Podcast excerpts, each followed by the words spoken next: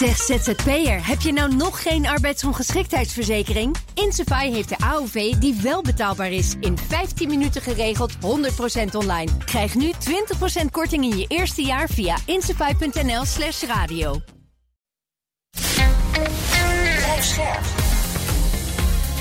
BNR Nieuwsradio. Boekenstein en de Wijk. Connor Klerks.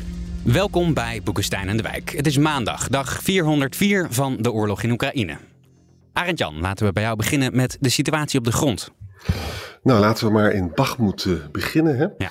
De, de, Russen claimen het dat ze het centrum nu te pakken hebben. Maar het is allemaal heel flauwekullig, want Prigozhin heeft gewoon een vlag gezet op een regeringsgebouw. Hm. En hij zegt van ja, in, in, een legal, in een juridische zin hebben wij het uh, gewonnen. En de Oekraïners ontkennen dat natuurlijk uh, aan alle kanten. Betekent overigens wel dat, dat de Russen daar vorderingen hebben gemaakt. Maar ja, het is, ik vind het wel een betrekkelijk zielige operatie met die vlag. Wat vind je ervan, Rob? Ja, dat vind ik ook. Ja, nee, daar, daar ben ik het wel mee eens. Die, die vlag, dat is een louter symbolische daad. Maar kijk, wat, wat niet symbolisch is, is dat die Gerasimov uh, maanden geleden al van uh, zijn baas Poetin de opdracht heeft uh, gekregen om de hele Donbass in te nemen. Nou, als dit nou het, het resultaat is sinds die tijd, ja, dan is dat niet indrukwekkend. En je ziet nu op die hele mailblog community, op die Telegram kanalen, dat er wordt gezegd, ja, die Gerasimov, die heeft die opdracht gekregen om voor 1 april de hele Donbass in bezit te krijgen. Nou, is het gewoon niet gelukt. En wordt het niet de tijd dat deze man dan opstapt? Ja. ja het is allemaal niet, is allemaal niet uh, geweldig. En uh, we kunnen misschien wel een mooi bruggetje maken naar dat uh, opblazen van die, van, van die blogger Tatarski. Hè? Zijn echte ja. naam is Maxim Vanium. Het is een ongelooflijk verhaal weer, zoals we zo vaak ongelooflijke verhalen lezen in de kranten. Er was dus een bar. En, en, vroeger was Prigozhin de eigenaar van die bar in Sint-Petersburg. Hm. Nou, die Maxime Vanin die heeft een half miljoen uh, mensen die zijn Telegram-kanaal uh, volgen. Ja. En hij is heel erg voor de oorlog. Maar hij geeft soms ook wel een beetje kritiek. Hè? Hij vindt dus dat uh, Poetin wat meer zou moeten doorpakken en zo. Dat kennen we ook allemaal wel. Nou goed, hij had dus een bijeenkomst met allemaal volgelingen daar. Enkele tientallen mensen heb ik, is, is zo'n indruk. Hè? En nou, er komt een, uh, staat een meisje buiten, of een vrouw, een jonge vrouw, met een beeldhouwwerkje, een beeldje. Een, een buste eigenlijk van Tatarski. Maar die mag niet naar binnen, want ze zijn bang dat er een bom in zit of zo, weet je wel. En vervolgens uh, mag ze, zegt Tatarski, kom maar wel naar binnen. En ja, is, dat heeft ze gedaan. Ze heeft dat beeldhouwwerkje, die buste van Tatarski, aan Tatarski gegeven. En binnen enkele seconden is die jongen opgeblazen. Nadat zij weg is. Ja, nadat zij weg was. Dus, dus dat meisje is ook gelijk opgepakt en zo. En Tatarski heeft dus het uh, leven verruild voor het uh, hier bovenmaanse, om het zo maar te zeggen. En, en er zijn ook een aantal mensen gewond. En nou, nou, nou, de Russen zeggen natuurlijk gelijk van ja, hebben de Oekraïners natuurlijk gedaan en zo. En, en, de Navalny-mensen, weet je wel. Oekraïne ontkent dat natuurlijk. En uh, hoe dat allemaal. Maar interessant is, nee, het interessante is dat Prigozhin heeft gezegd daar zit Oekraïne niet achter. Ja, dat klopt. Ja. Heeft dat ontkend. En dat geldt, en dat geldt ook, uh, dat geldt ook uh, voor het, uh, het, het opblazen van die Dugina. Ja. Hè? Dat is die, die dochter van die roemruchte rechtse denker in, en nationalistische denker in ja. Rusland. Dat is heel opmerkelijk. Daarmee probeert hij dus ook een splijs van te slaan, of ja, te laten groeien, moet je bijna zeggen, in, het, in het Kremlin. He, dat is wel, wel interessant dat hij, zich, ja, dat hij daar veel genuanceerder over ja, is. Maar Prigozhin heeft er dus ook een belang bij, hè? dat hij dus probeert ook een ja. te maken.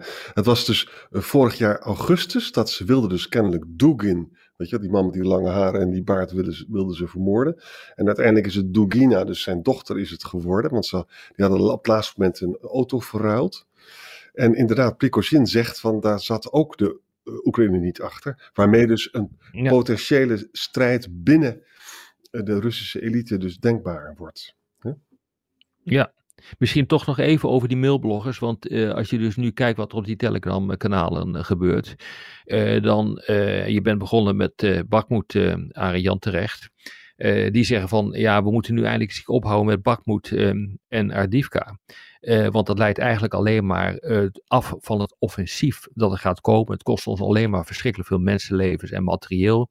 Uh, dat offensief volgens die mailbloggers gaat er ergens komen tussen 16 april, orthodox Pasen, en 9 mei, de dag van de arbeid in de Sovjet-Unie. En dus die zeggen van ga in het defensief. Nou, dat is wel interessant wat er dus nu gebeurt. Er is een enorme discussie gaande onder de experts van oké, dat offensief waar wij het ook vaak over hebben gehad, gaat dat er nou komen? En zijn die Oekraïners daar nu toe in staat? En dat is natuurlijk wel even een groot, groot, groot punt. Dus die, eh, die mailbloggers die zijn eh, bezig op dit ogenblik om iedereen voor te bereiden op zo'n offensief.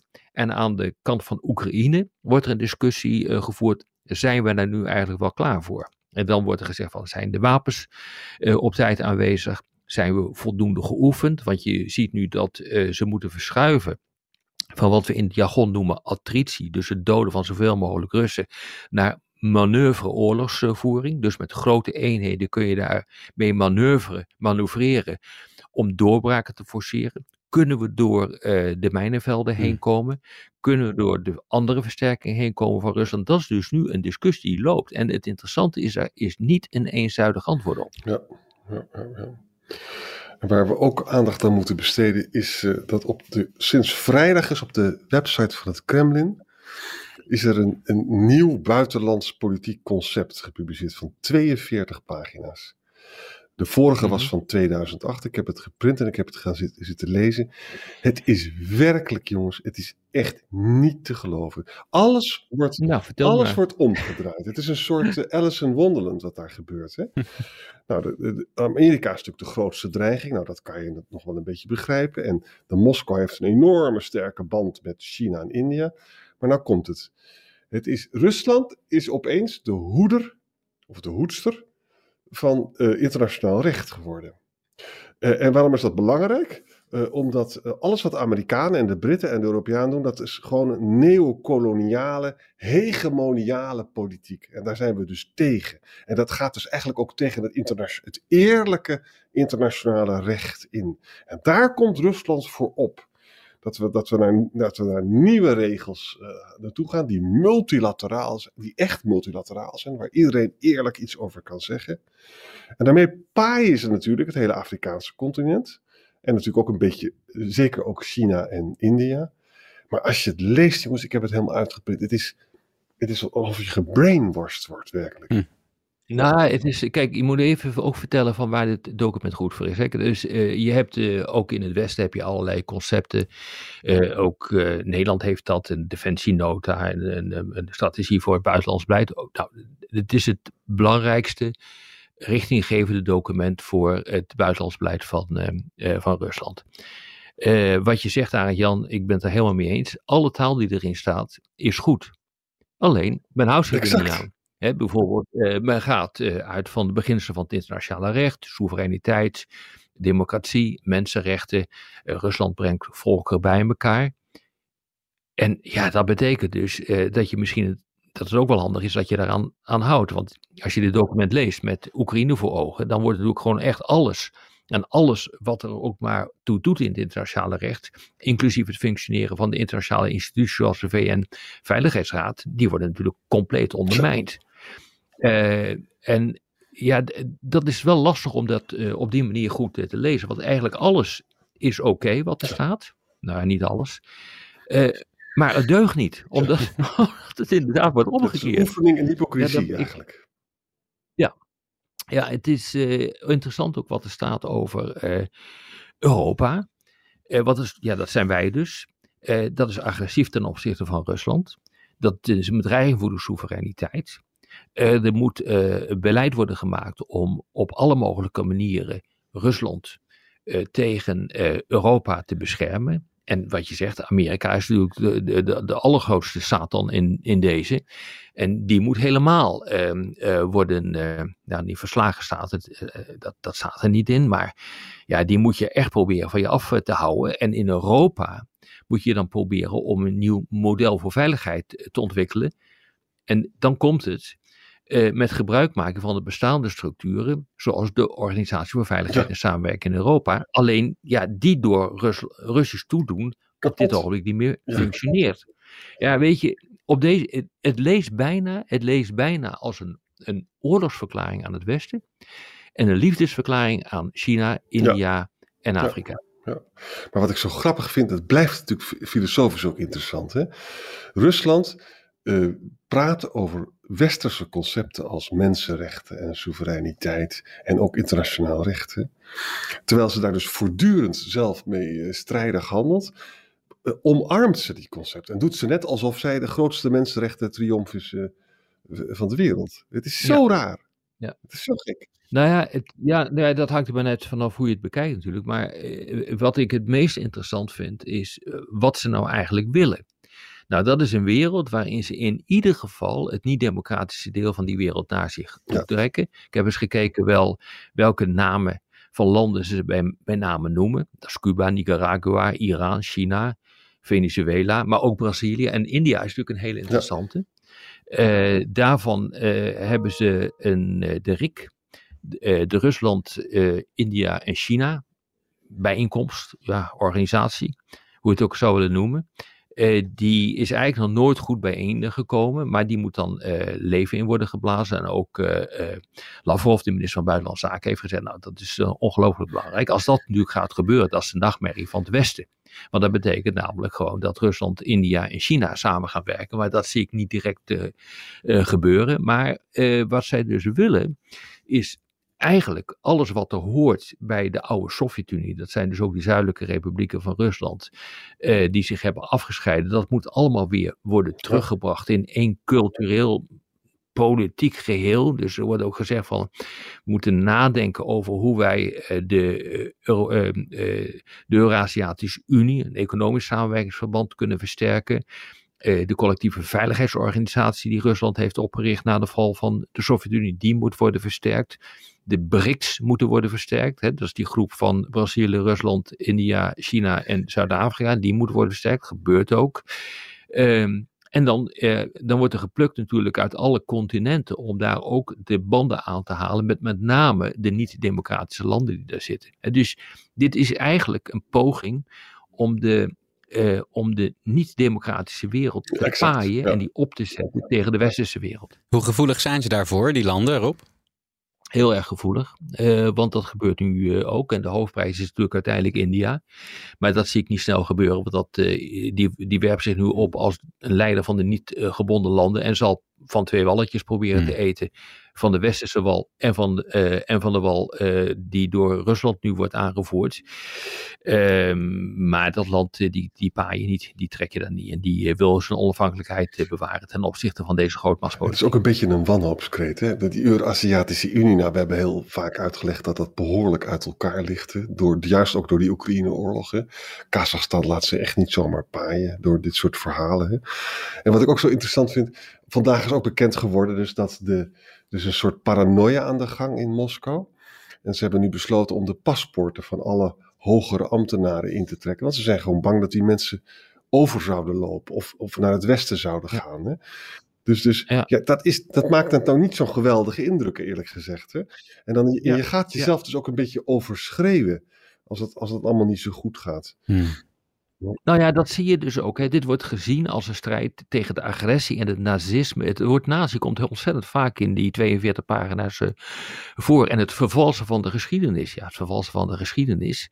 Daar, eh, dat is volgens mij de vervalsing van de geschiedenis de reden geweest waarom Poetin eh, Oekraïne is binnengevallen. Omdat dat een onlosmakelijk onderdeel is van het grote, geweldige Russische Rijk. Dus ja, hier, de, de- de retoriek eh, die hierin staat, op een manier waarvan je denkt, nou, dat klinkt allemaal best redelijk. En daar zit denk ik het gevaar in. Het is allemaal niet onredelijk wat hier Nee. staat. Ja. Behalve natuurlijk als je je realiseert hoe Rusland op dit ogenblik daadwerkelijk bezig is. En daarom, dit soort, dit soort eh, stukken proza, eh, die, die kunnen wel invloedrijk Hmm. zijn omdat het namelijk ook eh, het, het, het verschaft een beeld van een land dat het beste voor heeft van de hele, met de hele wereld. Ja, En eh, daarmee wordt eigenlijk aan het zicht onttrokken wat er daadwerkelijk aan de hand is. En dat krijgt echt wel tractie hoor in bepaalde delen de van de wereld. spanning tussen theorie en werkelijkheid is zo groot. Hè? Alsof de Wagner-groep in Afrika mensenrechten aan het bevorderen is. Of internationaal recht. Ja. Dat is natuurlijk allemaal totale kul. goed. Ja, maar goed, ik bedoel, het is goed dat we het er nu over hebben gehad, want het is echt wel belangrijk. En ik raad iedereen die eh, gewoon de moed heeft om eh, echt eens een stuk te lezen wat het toe doet, om dit te downloaden Ja. van eh, de website van het ministerie van eh, Buitenlandse Zaken eh, van Rusland. Daar staat hij op. Nou, 42 pagina's, dat, eh, dat moet op zich wel lukken Ja. voor de geïnteresseerden. hè? Ja, natuurlijk, dat moet je gewoon, eh, Ja. zeker, zeker. We moeten het nog even over de OPEC hebben, want eh, de olie wordt weer duurder. Hè? Heeft alles te maken met dit Ja, stuk, hè, wat nu Zeker, geschreven hè? Mm. Eh, maar leg maar uit, Nou, ze, tot, tot, ze gaan dus, de, e- even de geschiedenis. Hè. Biden is gevlogen naar Saudi-Arabië. Alsjeblieft, eh, kan je nog wat meer oppompen, want ik, ik heb gewoon electoraal er ook last van, van die hoge. Nou, Saudi-Arabië heeft dat niet gedaan. Ze hebben dus eh, vorig jaar hebben ze besloten om die productie juist te beperken, waardoor die olieprijs ook weer een beetje ging stijgen. Nou, nu was het zo dat de olieprijs was gezakt door tot 70 dollar per vat. Nou, dat vinden ze te laag, want het was dus, eh, op een gegeven moment was het even 100, hè? en meestal is het zo 80, 90 geloof ik. Nou, nu hebben ze dus met 3,66 miljoen vaten per dag gaan ze het dus nu beperken. Het gaat niet alleen voor Saudi-Arabië, maar voor al die OPEC-landen, inclusief Rusland zelf. Hè? En men verwacht dat hierdoor de olieprijs eh, met eh, 10 dollar per vat gaat stijgen, dus van 70 naar 80. Nou, wat is hier nou? Wat is nou de verklaring? En dat, het beste analyse is bij de Financial Times. Hè? Biden heeft gezegd eh, dit weekend: het duurde jaren voordat we die strategische petroleumreserve weer kunnen, helemaal kunnen vullen. En dat vindt dus Saudi-Arabië natuurlijk niet leuk, want dat heeft natuurlijk een. Eh, dat, dat zou de prijs dus eh, verlagen natuurlijk en ze willen meer verdienen. En het tweede is, de, de, de, de mensen, de OPEC-mensen zijn helemaal niet bang dat Amerika in het gat zou springen, want de schalie-output hè, van de schalieolie, die groeit niet meer zo snel in Amerika. Mm. Dus het is, ze, hebben gewoon, ze hebben gewoon een sterke positie om het te doen. En zoals Rob ook zegt, ja luister eens, als jij je dus graag wil afzetten eh, van het Westen en je, en, je, en je vindt het Midden-Oosten daar bereid om dat te doen, dan is het natuurlijk een geweldige actie. Hè? Ja, je jaagt hiermee de inflatie aan, terwijl we dus Ja. eh, met man en macht bezig zijn om die inflatie eh, aan banden te leggen. Dus er zit ook een heel geopolitiek Ja, idee achter. En dat heeft alles te maken met het stuk waar we net eh, over hebben eh, gesproken. eh, namelijk dat je, je je moet verzetten tegen het Westen. En dit is er wel eentje hoor, want dit gaat om de OPEC Plus. Dat is, dat is nou, wat je al gezegd hebt, plus betekent inclusief Rusland. Ja.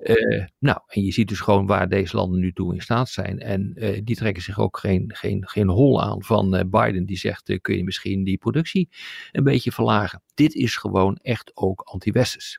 En daar, zullen we, daar zullen we veel meer rekening mee moeten houden. Dit past in het beeld dat energie een geopolitiek pressiemiddel aan het worden is. En eh, de volgende eh, pressiemiddelen, dat zijn mm, eh, kritische grondstoffen. Om maar eens wat te, te noemen. Daar kan je allemaal gewoon politiek mee gaan bedrijven. En dat is echt een voorbode van wat er gaat komen. Is het ook. Opbeurende woorden, ja. Dankjewel heren, tot morgen. Ja, tot morgen. Zeg ZZP'er, heb je nou nog geen arbeidsongeschiktheidsverzekering? Insafai heeft de AOV die wel betaalbaar is. In 15 minuten geregeld, 100% online. Krijg nu 20% korting in je eerste jaar via insafai.nl slash radio.